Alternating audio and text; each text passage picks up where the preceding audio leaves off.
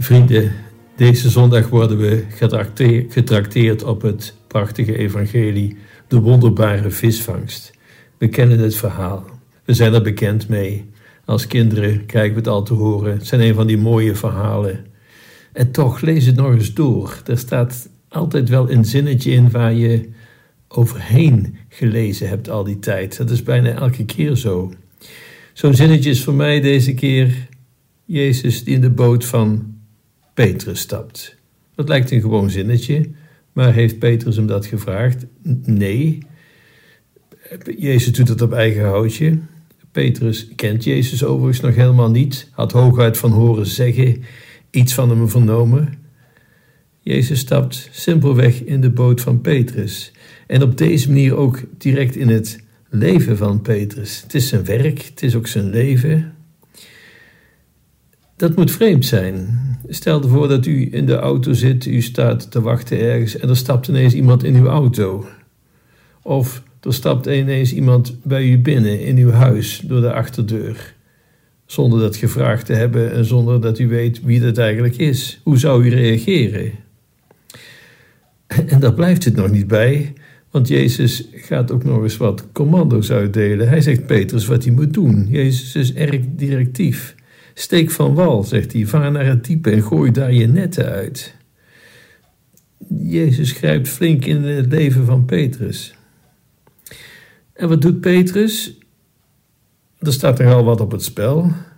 Als Jezus ingrijpt in jouw leven, wat doe je dan? Werk je mee? Of zeg je: Wat heb ik met u te maken? Wat heb ik met jou te maken? Deze vraag is alles bepalend voor het leven van Petrus, maar ook van u en mij. Ben je bereid mee te werken aan de, met de genade? En Petrus werkt mee direct. Hij zegt niet: hey, dit is mijn boot, ik bepaal zelf wel wat ik doe of niet doe. Nee, hij werkt mee. En dat blijkt ook uit zijn reactie. Meester, we hebben de hele nacht gevist. Niks gevangen maar op uw boord zal ik de netten uitgooien. Wonderlijk, want Jezus, ja, bekend als de zoon van een timmerman, Petrus een ervaren visser, niets gevangen die nacht, kan gebeuren, maar overdag moet je niet gaan vissen, want dan verdwijnen de vissen naar het diepe, die verstoppen zich voor het zonlicht. Dus hij moet denken, wat heeft het voor zin? En toch, op uw woord, ik zal het doen. Een wonderlijk antwoord. Wat Jezus doet, hij leidt je naar het diepte van het leven. Hij vaart naar het diepe. Doek in altum. En een van de favoriete uh, regels van Jezus, uitspraken van Jezus van Paus Johannes Paulus II, ook op de Wereldjongerendagen. Doek in altum, vaar naar het diepe. Oftewel, het oppervlakkig leventje dat je leidt, laat dat maar achterwege. Is dat riskant? Zeker, je weet niet wat je te wachten staat. Is het avontuurlijk? Ook in de goede zin van het woord, zeker. Het gaat over die spirituele diepte. En als je daaraan meewerkt, zul je een leven leiden dat zo overweldigend is, zo groot.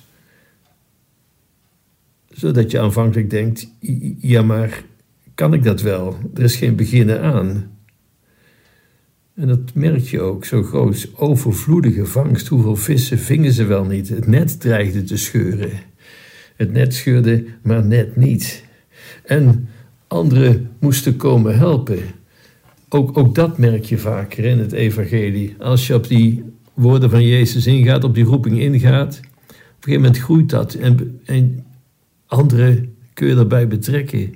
Kijk eens naar de heiligen, kijk eens naar al diegenen die in beweging begonnen. Deze zondag zijn eigenlijk drie roepingen verhalen. Jezaja in de eerste lezing. Hij meent, ik ben een zondig mens, u moet mij niet hebben. Tweede lezing komen we Paulus tegen. En Paulus wist al helemaal zeker dat Jezus hem niet moest hebben. Hij was een vervolger van de christenen. En dan Petrus, ook hij wist het. Heer, ik ben een zondig mens. Allen wisten, ik ben een zondig mens. Weet u wat trouwens het verschil is tussen een heilige en een niet-heilige. Chesterton zegt dat mooi. Niet dat die heiligen heilig zijn. Nee, ze weten dat ze zondaars zijn. Petrus. Hij kende Jezus eigenlijk nog niet. Wel van de verhalen, maar dat was alles. Jezus moest hem nog roepen. En toch, hij gaat erop in. Paulus, die kende Jezus wel, maar had er een totaal verkeerd beeld van. Pas toen Jezus aan hem verscheen, ja, toen viel het kwartje. Saul, Saul, waarom vervolg je mij? Niet de kerk, maar mij. Jezus identificeert zich met de kerk. En pas toen begreep Paulus dat Christus werkelijk verrezen was, zoals die christenen allemaal beweerden. Het was geen godslastering, hij is werkelijk Gods zoon. En tegen allen zei hij eigenlijk: Ik zal jullie vissers van mensen maken. Zegt hij ook tegen u, tegen mij. We hebben een missionaire taak. Onze tijd heeft het liefste dat we ons geloof achter de voordeur houden. Dan hebben er minder mensen last van. Moeten we het voor onszelf houden? Nee, zeker niet. We zijn per definitie missionair, gaat uit over de hele wereld. En dat moet u niet overlaten aan de, tussen professionals, de pastoors en de missionaris en de bisschoppen. Geldt voor elke gedoopte. En u denkt waarschijnlijk van, ben ik dat wel waardig? Dat dachten Jezaja en Petrus en Paulus ook.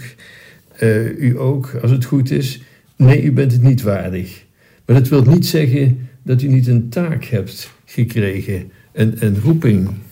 Als Jezus zijn apostelen roept, gaan ze allemaal na. Er is allemaal wel iets op, op aan te merken. Je zou zeggen, dat zijn niet de beste kandidaten. Ze hebben zo allemaal hun zwakheden, hun tekortkomingen. Petrus, we weten het, hij verloochende Jezus tot driemaal toe toen hem het vuur iets te nauw aan de schenen werd gelegd. Um, hij had de moed niet. Andreas, Petrus' broer, ja, bij de bootvermenigvuldiging, hè, geef ze maar te eten. Andreas had er weinig vertrouwen in. Er is hier wel een jongen met vijf broden, maar wat moet je daarmee? Het liep anders. En dan Johannes en Jacobus, de broers. Die leken wel om de verkeerde reden Jezus te volgen. Laat ons in uw koninkrijk, als je daar gekomen zijt, aan uw linker en uw rechterhand zitten. Ze hadden de beste baantjes al uitgekozen. Ze worden niet voor niks de zonen van de donder genoemd. Bartholomeus, daar weten we niet veel van. Misschien was hij heel bescheiden of, of verlegen, we weten het niet. Matthäus, die kennen we wel, die had een behoorlijk verleden achter zich als tollenaar. Dan hebben we Thomas, die geloofden het allemaal niet dat Jezus verrezen was. Dan hebben we Simon, de Zeloot, de andere Simon. En ook daar was het nodig op aan te merken. En dan hebben we altijd nog Judas Iscariot.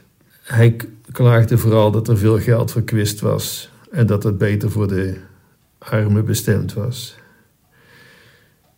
Jezus roept u ook. U hebt uw beperkingen, en als u denkt dat u ze niet heeft, onderzoek ze nog maar eens een keer. Wil niet zeggen dat u geen taak hebt. God kan iedereen gebruiken. In het Oude Testament, uit heel de Bijbel trouwens, blijkt dat God uiteindelijk iedereen kan gebruiken. Ook u en mij. Ga maar eens na. Noach, we kennen hem, hij dronk te veel. Abraham vond zichzelf te oud. Vraag mijn broer maar, zei hij. Isaac was een dromer. Jacob, een leugenaar. Jozef was mishandeld. Mozes, die had een stotterprobleem. Gideon was bang. Simpson, die was een versierder. Raagap was een prostituee. Jeremia en Timotheus, die vonden zichzelf veel te jong en toch zei: Nee, jullie moet ik hebben. David, die pleegde overspel en was nog een moordenaar ook. De profeet Elia was redelijk suicidaal, die zag het allemaal niet meer zitten. Jona die ontweek God, Job ging failliet en kwam op de mesthoop terecht. Petrus was gezegd verlovigende Jezus tot driemaal toe. De leerlingen vielen in slaap terwijl ze geacht werden vurig te bidden. Martha maakte zich zwart om van alles druk, behalve om het meest elementaire. De Samaritaanse vrouw was meerdere malen gescheiden. Paulus, hè, nogmaals, was een hardliner. En Lazarus was dood. Allemaal moeilijke gevallen net als u en ik. En toch, God kon ze allemaal gebruiken. Ook u hebt een taak.